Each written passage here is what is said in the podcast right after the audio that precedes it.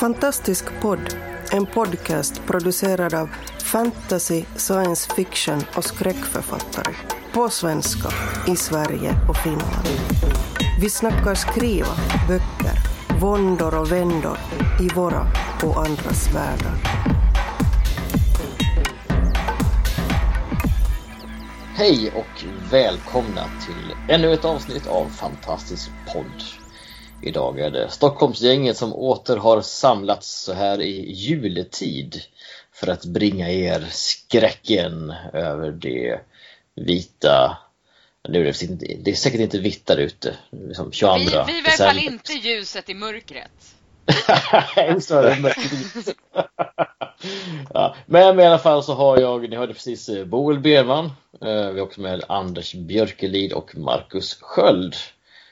Vår egen uh, skräckexpert, får jag kalla dig för skräckexpert Marcus? du får kalla mig det men jag vet inte om jag kan, Jodå, kan riktigt fylla de skorna. Tacka och ta emot. Okej. Okay. Men, men det är ju ändå juletid så ska vi börja här kanske. Är julen skrämmande? Och om den är det, vad är det då med julen som skrämmer? Vad kan man, vad kan man göra med julen? Anders? Ja, eh, eh, alltså julen är ju skrämmande, men julen har ju, har ju tappat sitt skrämmande. Därför kan man ju göra något skrämmande med det. Men ursprungligen är ju julen, julen ganska skrämmande. Det är ju under julen som eh, gloson, den stora suggan, går ut på nätterna och eh, springer mellan benen på folk och sprättar upp dem med sina vassa borst. I alla fall om man ska tro eh, sydsvensk folktro. Eh, och det finns ju väldigt mycket idéer om att de döda uppstår på julafton och julottan och eh, det finns idéer om att djur pratar om att vanliga lagar är satta ur spel under julnatten och sånt där. Men det där ligger ju under ett tjockt lager av kommersiell tomtegull. Den, den, den kontrasten tycker jag är kul. Att mm. det finns en... Jag tycker att skräck oftast är det, kontrasten, den här liksom delen i tillvaron där man liksom förutsätter en sak men det finns grogrund för någonting annat. Mm. Att bara liksom eh, sparka ner, eh, bara ikonoklastiskt sparka ner heliga kor kanske är kul men, men det riktigt otäcka är just när det faktiskt finns någonting under ytan där så det krackelerar och dyker upp.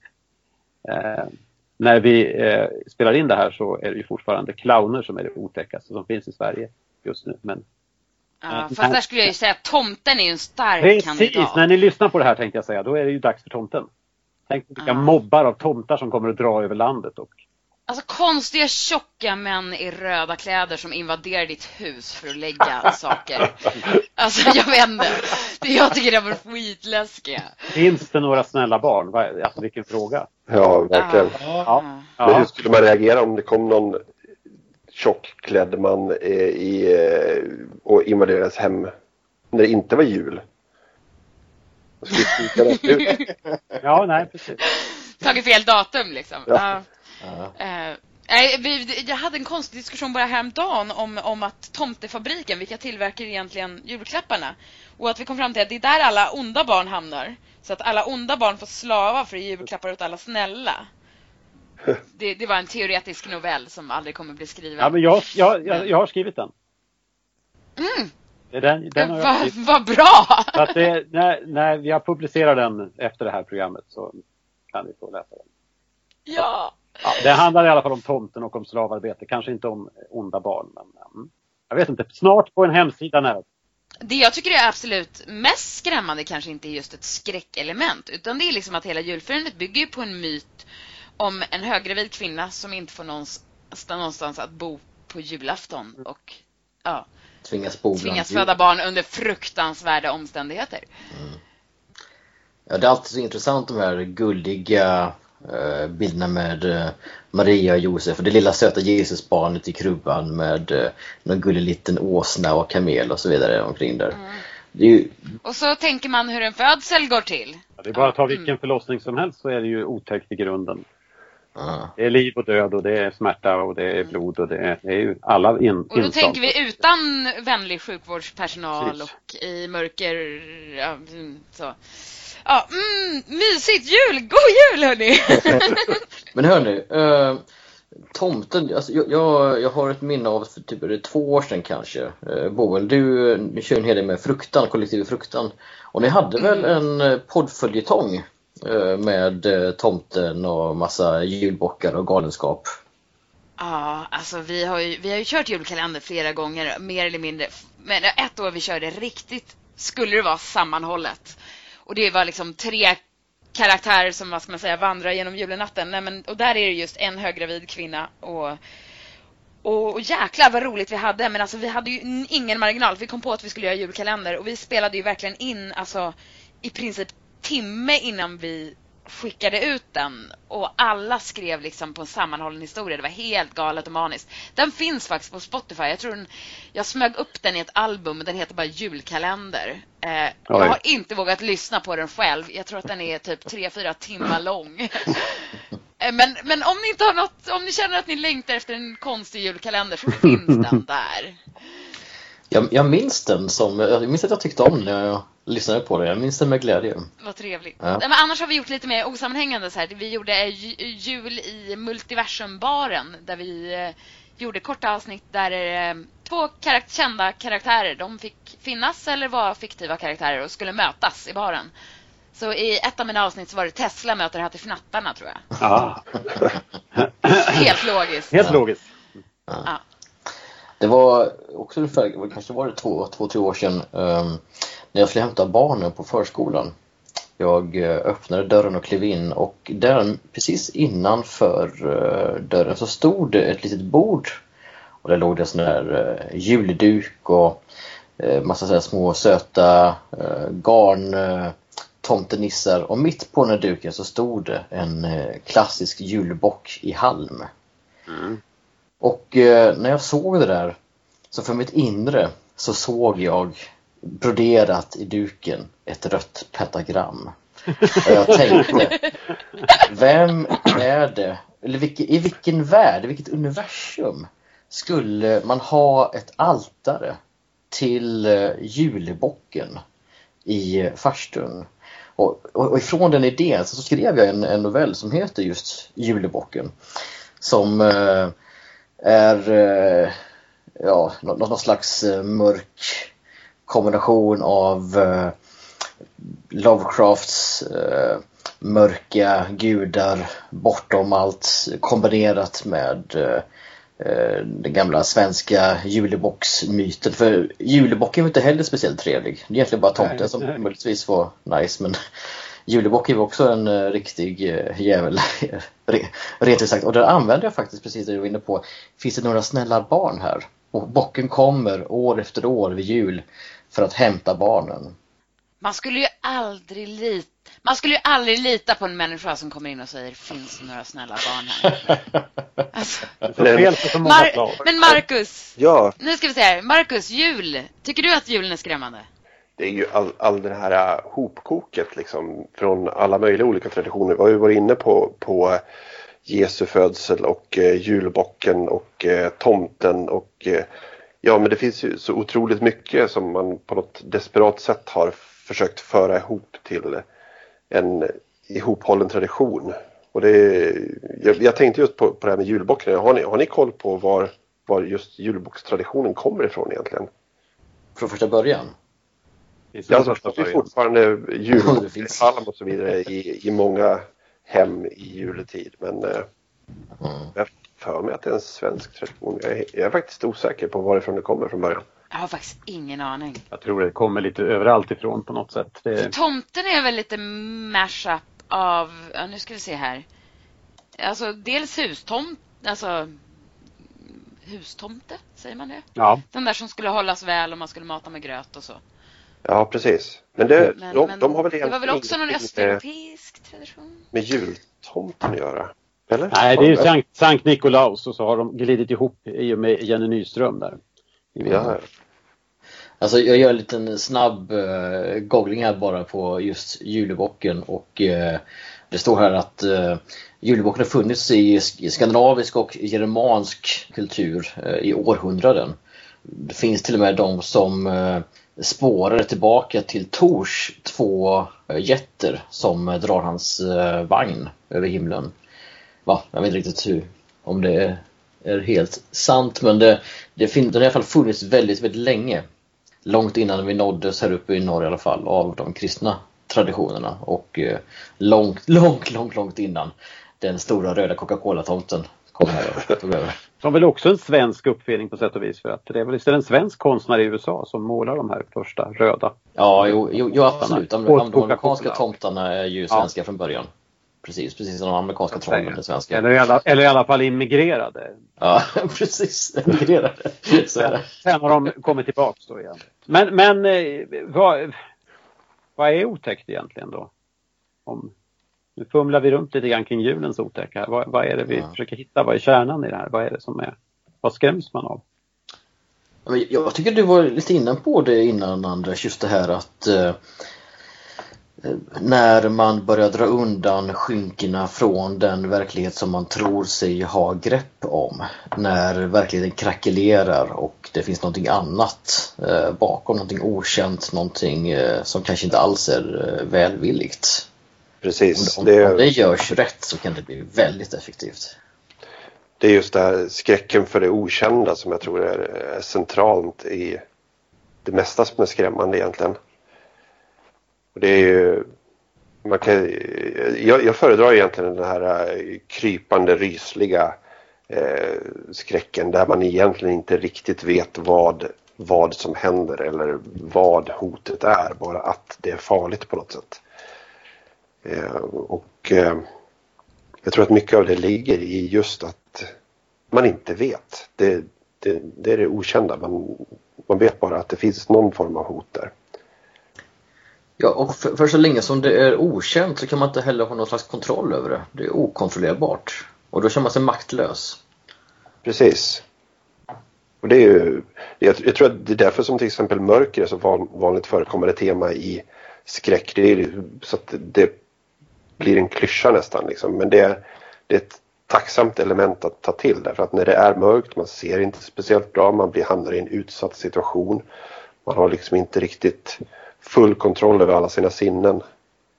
Och eh, man är lite extra sårbar när det är mörkt till exempel. Här, här, kan jag...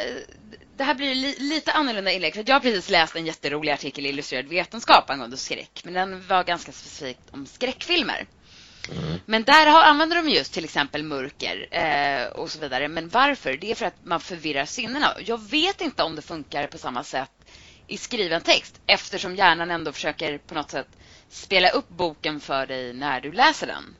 Men det borde rimligtvis fungera på samma sätt. Men just att så här, bland annat så är det då mörker, eh, dunkel, skuggor för, för att förvirra sinnena så att man inte ser.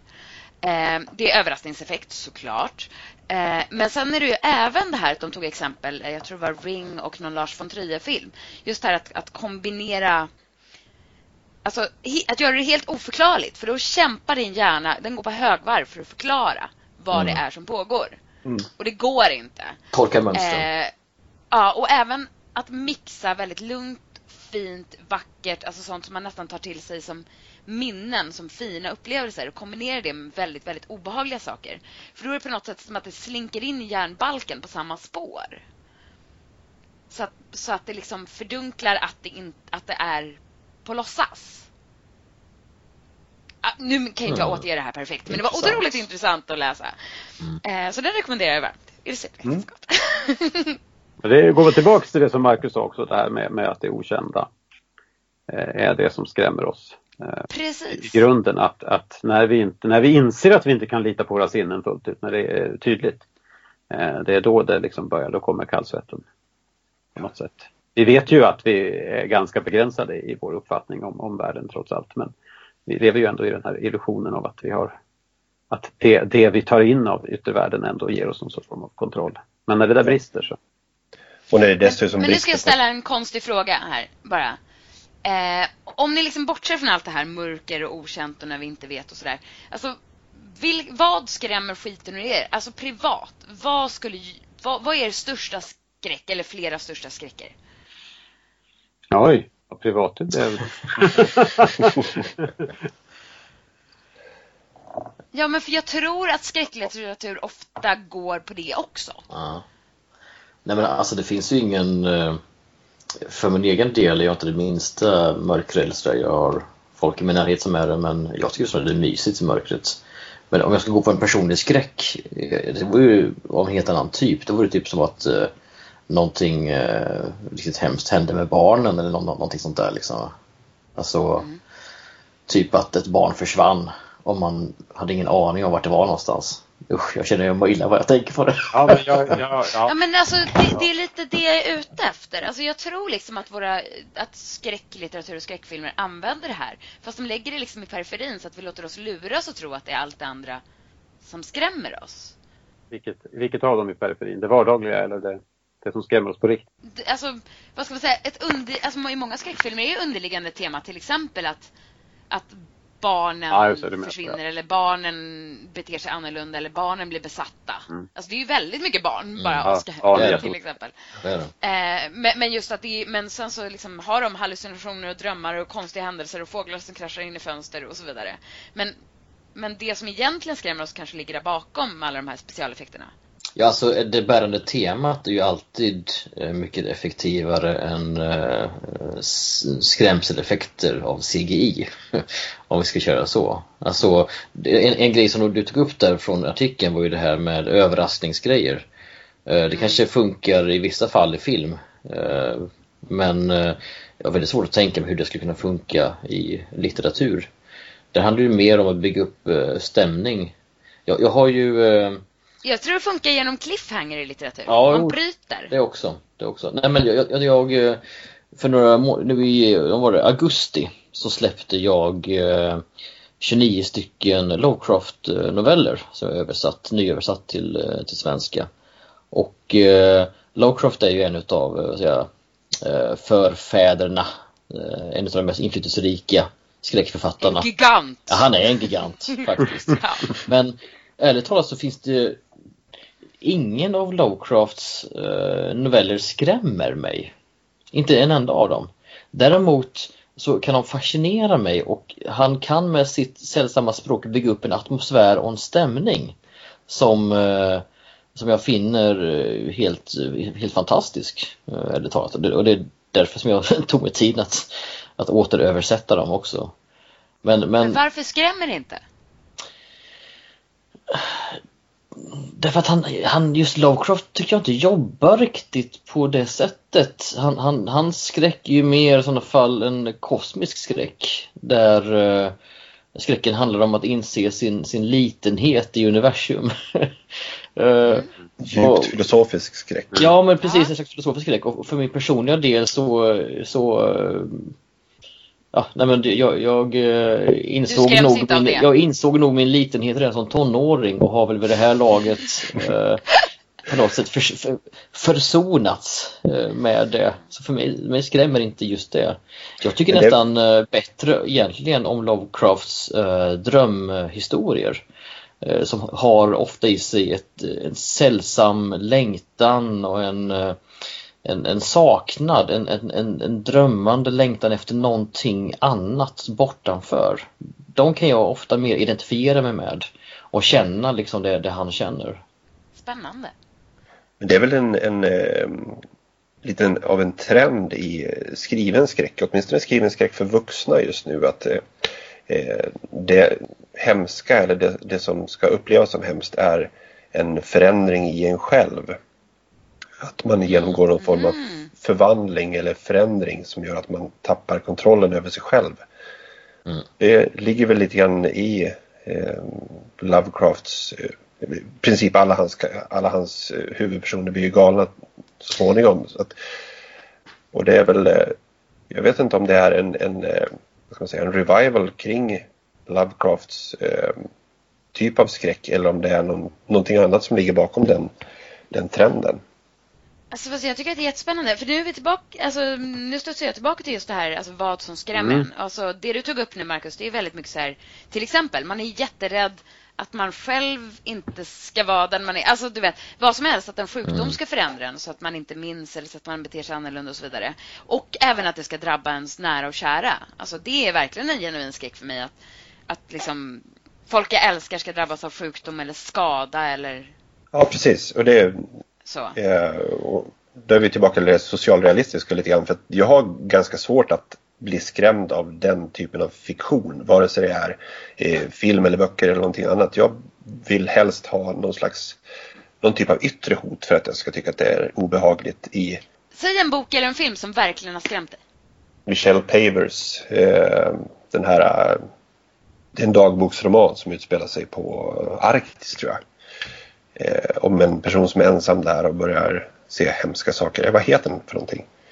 Och det, och det är ingen socialrealism där? Inget att man känner vad är det som pågår? Delvis kanske, men det är, eh, jag, jag upplever det som att det är primärt en eh, Naturligtvis så, så ifrågasätter personen sitt eh, om, om hon verkligen kan uppleva de här sakerna men huvudsakligen så är det eh, närvaron av någon typ av, av yttre hot. Det finns någonting där. Hette boken kanske Dark Matter? Ja, precis så heter den. Google är din vän. Sluta googla! ja, nej, vi, vi, måste ju ha med de här tipsen till uh, våra lyssnare. Absolut, men du får inte säga att du googlar. Du ska bara vara den här allvetande ja, varelsen. Liksom. Den har sådana illusioner kring mig själv som jag inte bygger upp. Alldeles för Som ärlig. Sagt, jag, jag är... Uh, Ni hörde tangentbordsknappet. Det går inte att komma undan. Använd mobilen nästa gång. Jag, jag, jag googlar allting jag säger. Det är inte ett uttalande jag har gjort. Det är autogenererat. Allt är autogenererat. Det finns en, säger, säger. Uh, Anders, vad skrämmer dig då? Uh, alltså, jag, det här med att tappa kontrollen tycker jag, det, det, det, tycker jag istället kanske är djupt skrämmande för mig personligen. Men jag, jag kanske håller med dig, eh, Marcus, att, att jag tror inte jag har läst någonting där jag blir skrämd av den upplevelsen. Eh, och jag, det, just när du sa det så, så inser jag ju att jag håller på att skriva en roman som där jag försöker hantera just de två sakerna. Det här med, med att tappa kontrollen eh, är någonting som skrämmer mig men att jag inte har stött på skräck som lyckas skildra det på ett sätt som skrämmer mig personligen då i litteraturen.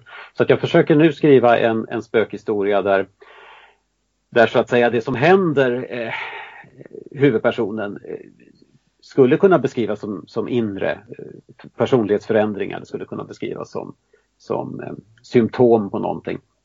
Men jag försöker hitta ett sätt att skriva det så att, så att det manifesterar sig eh, som yttre hot. Mm, just det. Och, och få det och, och eh, jag, har inte hittat, jag har inte riktigt bestämt mig för vad balansen är där men, men, men bara att tänka de, de liksom var, var varje gång jag tänker okej okay, nu, nu kommer hon att känna och uppleva det här och så får jag tänka nej hon ska inte känna och uppleva så utan hon ska möta det här. Det ska komma ja. till henne. Och sen ska hon kanske reagera på ett annat sätt. Men, men eh, det är mötet med det här yttre som ska ge läsaren de här känslorna. Eh, det är en ganska... jag är liksom mitt inne i processen så jag, jag kan inte riktigt få distans till det men, men jag tror att det finns någonting där som, som eh, skaver hos mig när man liksom bara, bara är inifrån. För att det känns inte inifrån när man upplever att, att man på något sätt Nej, kontrollen och sånt. Det, det är en yttre. Nu, nu blir det lite så här exempel, typ, alltså jag vet inte, ni kanske inte tycker att Shining är läskig, men jag tycker att den är skitläskig. Ja, det vet jag. Eh, Pratar vi om boken och, eller film? Eh, både och. Eh, och jag menar beroende på om det är boken eller filmen så är det lite olika tolkning liksom. Men där tappar han ju absolut kontrollen. Sen huruvida det beror på uh, hotellets själ eller om det är han som är alkad och blir galen av isolering är ju lite olika. Men jag menar, det är ju en, en person som tappar kontrollen över sina handlingar. Carrie är också så att hon tappar kontrollen. Fast vi möter dem utifrån. Ja, precis. Man, I Shining så har vi ju eh, frun och eh, pojken som utsätts för det yttre hot som han, Jack Torrance, eh, förvandlas till. Absolut. Men det är fortfarande en skräck om att tänk, alltså, tänk om man själv förändrade så att man skulle attackera de man älskar mest Det är kanske är därför den fungerar så på så många nivåer. För att den fångar båda de här eh, olika varianterna av, av skräck.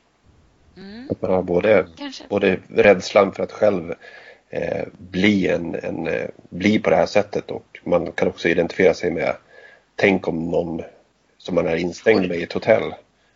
Och dessutom har du yttre hotet, alltså mer i bok, boken då, där det är liksom att det är själva hotellet nästan som är det yttre hotet som använder honom som ett redskap mot familjen. Ja. Så, ja, många nivåer. Ja, ja precis. Det gjorde han bra. Ja. Det, det fanns faktiskt en film, jag har inte sett någon film på åratal som skrämt mig. Men när jag var tio år, då såg jag en film som skrämde mig från vettet. Och det var klassikern Flugan. Mm. 1986. Det är ju han eh, David Cronenberg. Cronenbergs variant. Mm. Ja, med en ung Jeff Goldblum eh, och och Gina Davis eh, i huvudrollerna. Men minns Och du han, vad som skrämde dig där? Ja men det var väl det här att eh, han var ju någon forskare eller någonting och höll på med teleportering höll jag på och så skulle han teleporteras med sig till ett annat och så kom det en fluga i kammaren. Så blandades hans gener upp och, och just den här att, att han rent fysiskt, för då, vi är återigen inne på det här att någonting har kommit in i en och man förvandlas till någonting som man något hemskt, något fruktansvärt. Och den här gången är det en rent fysisk eh, förvandling. Där de här fluggenerna då sakta tar över och förvandlar honom från en mänsklig varelse mer och mer till att bli en, en stor fluga. Så äckligt. men men Samma sak med parasiterna i Amazonas som kryper in under huden på en och alla möjliga sådana här otäcka. Okej. Okej, det funkar ju uppenbarligen med mig. Ja. Mm. Ja. Nej men förlåt, det finns en jättelökig skräckfilm som går ut på att det är växter i, i Sydamerika någonstans. De blir fångade på någon liten konstig ruin i, mitt i skogen. Ja, och så är det växter under huden. Ru- ruins eller någonting sånt där. Säkert. Och den borde vara som ganska lök och jag borde kunna avfärda den. Men gud vad den fick, alltså bara tanken. Även om det finns tramsiga scener och oj, de kan imitera ljudet av mobiltelefoner som får en att totalt tappa stämningen. Så, så var de jätteläskiga. Men det är mycket det här typ att det är en person som liksom blir övertygad om att hon har underhuden, vilket hon säkert har. Men liksom när hon försöker lösa det genom att karva upp huvudet med en kniv då. Mm. Mm. Gör Sånt. inte det. Allmänt råd. Gör inte det hemma. Don't do it. Men, men eh, alltså, det, det känns ju som om vi var på spåren på någonting annat där också. Eh, Förlåt. Ja, transformation. nej, det, jag hakar tag i Nej. det du säger här tänkte jag. Ja, okej. Eh, det, det, som, det som skrämmer oss och det, det det handlar om det här med att någonting i, i vardagen, någonting vi, vi tror att vi har kontroll över, eller misstänker att vi inte har kontroll över, någonting som, som drabbar oss personligen eller något hot, yttre hot som drabbar oss personligen. Eh, och att det skrämmer oss kontra de här yttre faktorerna som vi, eh, den här rekvisitan som vi tänker på som skräck. Eh, är det inte liksom avsaknaden av det här personliga perspektivet, den här liksom det drabbandet som, som är, är skiljelinjen mellan ren splatter monsterfilm och skräckfilm. Att vi kan ju ha rekvisitan och vi kan ju ha, vi kan ju ha den här överraskningseffekten som Oskar tar upp, att man hoppar till att något dyker upp. Men, Ja. men de dröjer ju inte kvar om de inte har den här psykologiska Nej, det, för mig så kan jag känna att, att eh, splatterfilmer kan ju, ja, det kan ju vara roande på ett helt annat sätt. ja, annan sak. Men eh, där, eh, jag tror att det kommer tillbaka till det här med, med eh, eh, en riktigt bra skräckfilm eller en, en bra skräckberättelse så får, man inte riktigt veta vad det är som är eh, det hemska. Och eh, de som är riktigt effektiva de visar ju inte någonting överhuvudtaget utan det är bara stämningar och det är liksom bara saker som händer som man egentligen inte ser speciellt mycket av. Men i splatter så då har du, du har du det obehagliga rakt i ansiktet på något sätt. Och det kan eh, vara väldigt störande och väldigt eh, besvärande att se men, men det är fortfarande väldigt tydligt. Och det är väldigt närvarande. Det är väldigt komiskt. Men det kan Ja, vara obehagligt Ja, också, alltså men det är det inte beror, beroende på hur. Men... Ja. Alltså, vi- jag har precis läst Färjan och, och, och jag, jag tyckte det var jätteskoj att läsa den. Eh, det, jag tycker att han är jättefantastisk på att skapa Mats karaktärer. för att Ja. Ja, karaktärerna är helt, helt fantastiska.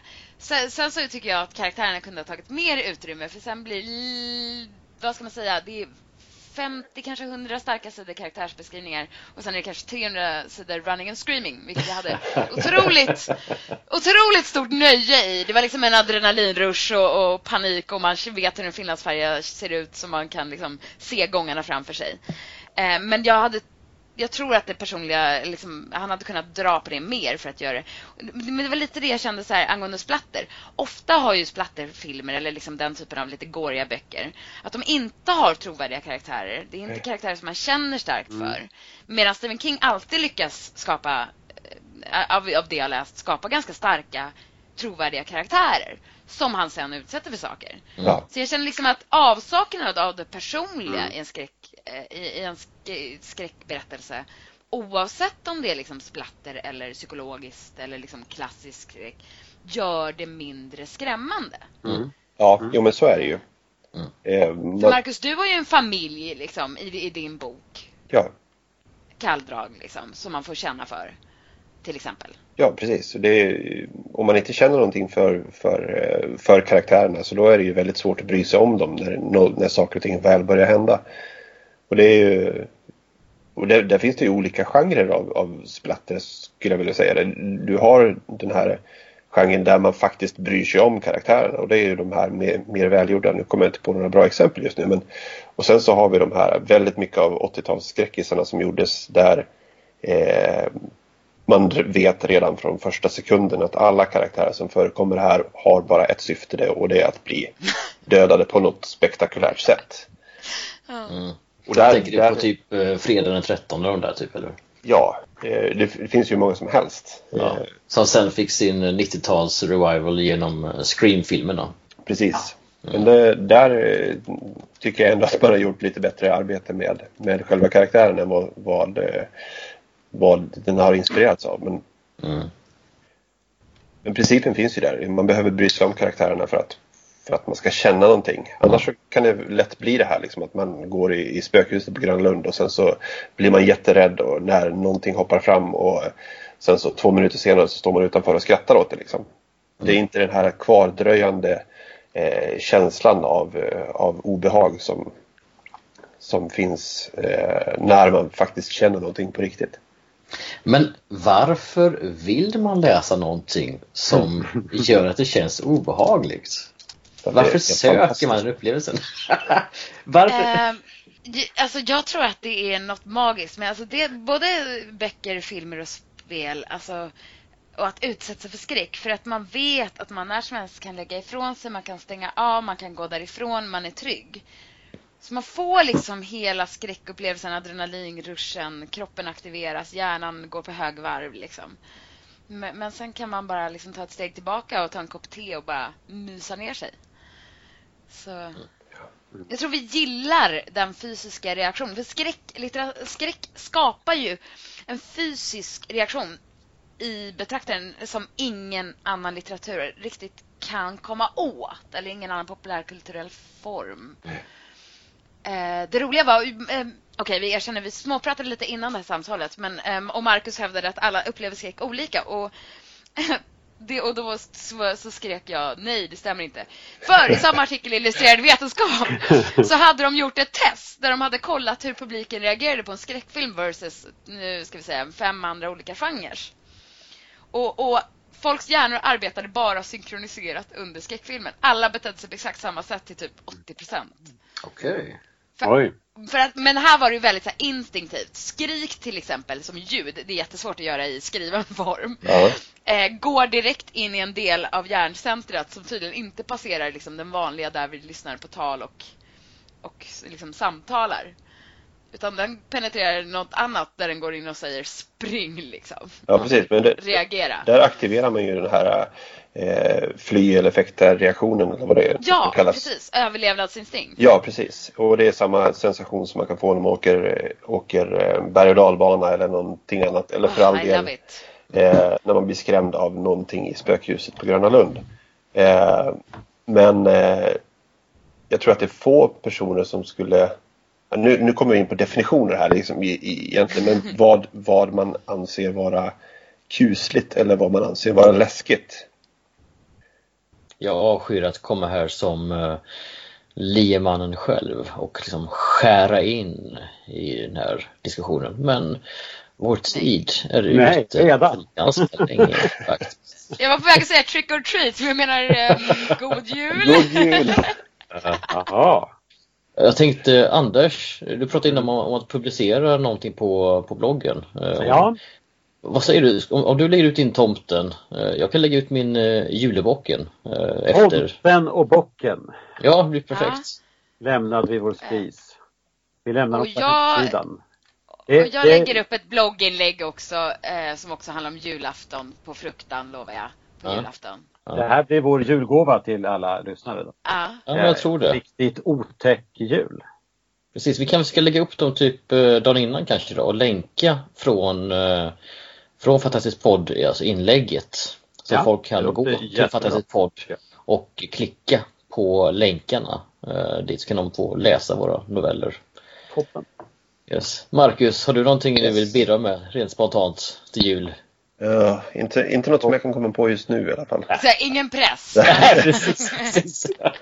November har inte börjat än så det hinner bli en vi, vi får väl se. Ja, precis. Du, du, kanske också lägger, vi kanske lägger upp en julspecial lite på fruktan.se. Ja, så precis. Vi ställer upp något. Mm. Det blir det som det blir helt enkelt. Och det blir bra nog. Det låter toppen. Ho, ho, ho. Hej då. Ja. Hej då. Hej då. God jul. Jul. God jul. God jul, ja. Du har lyssnat på Fantastisk podd.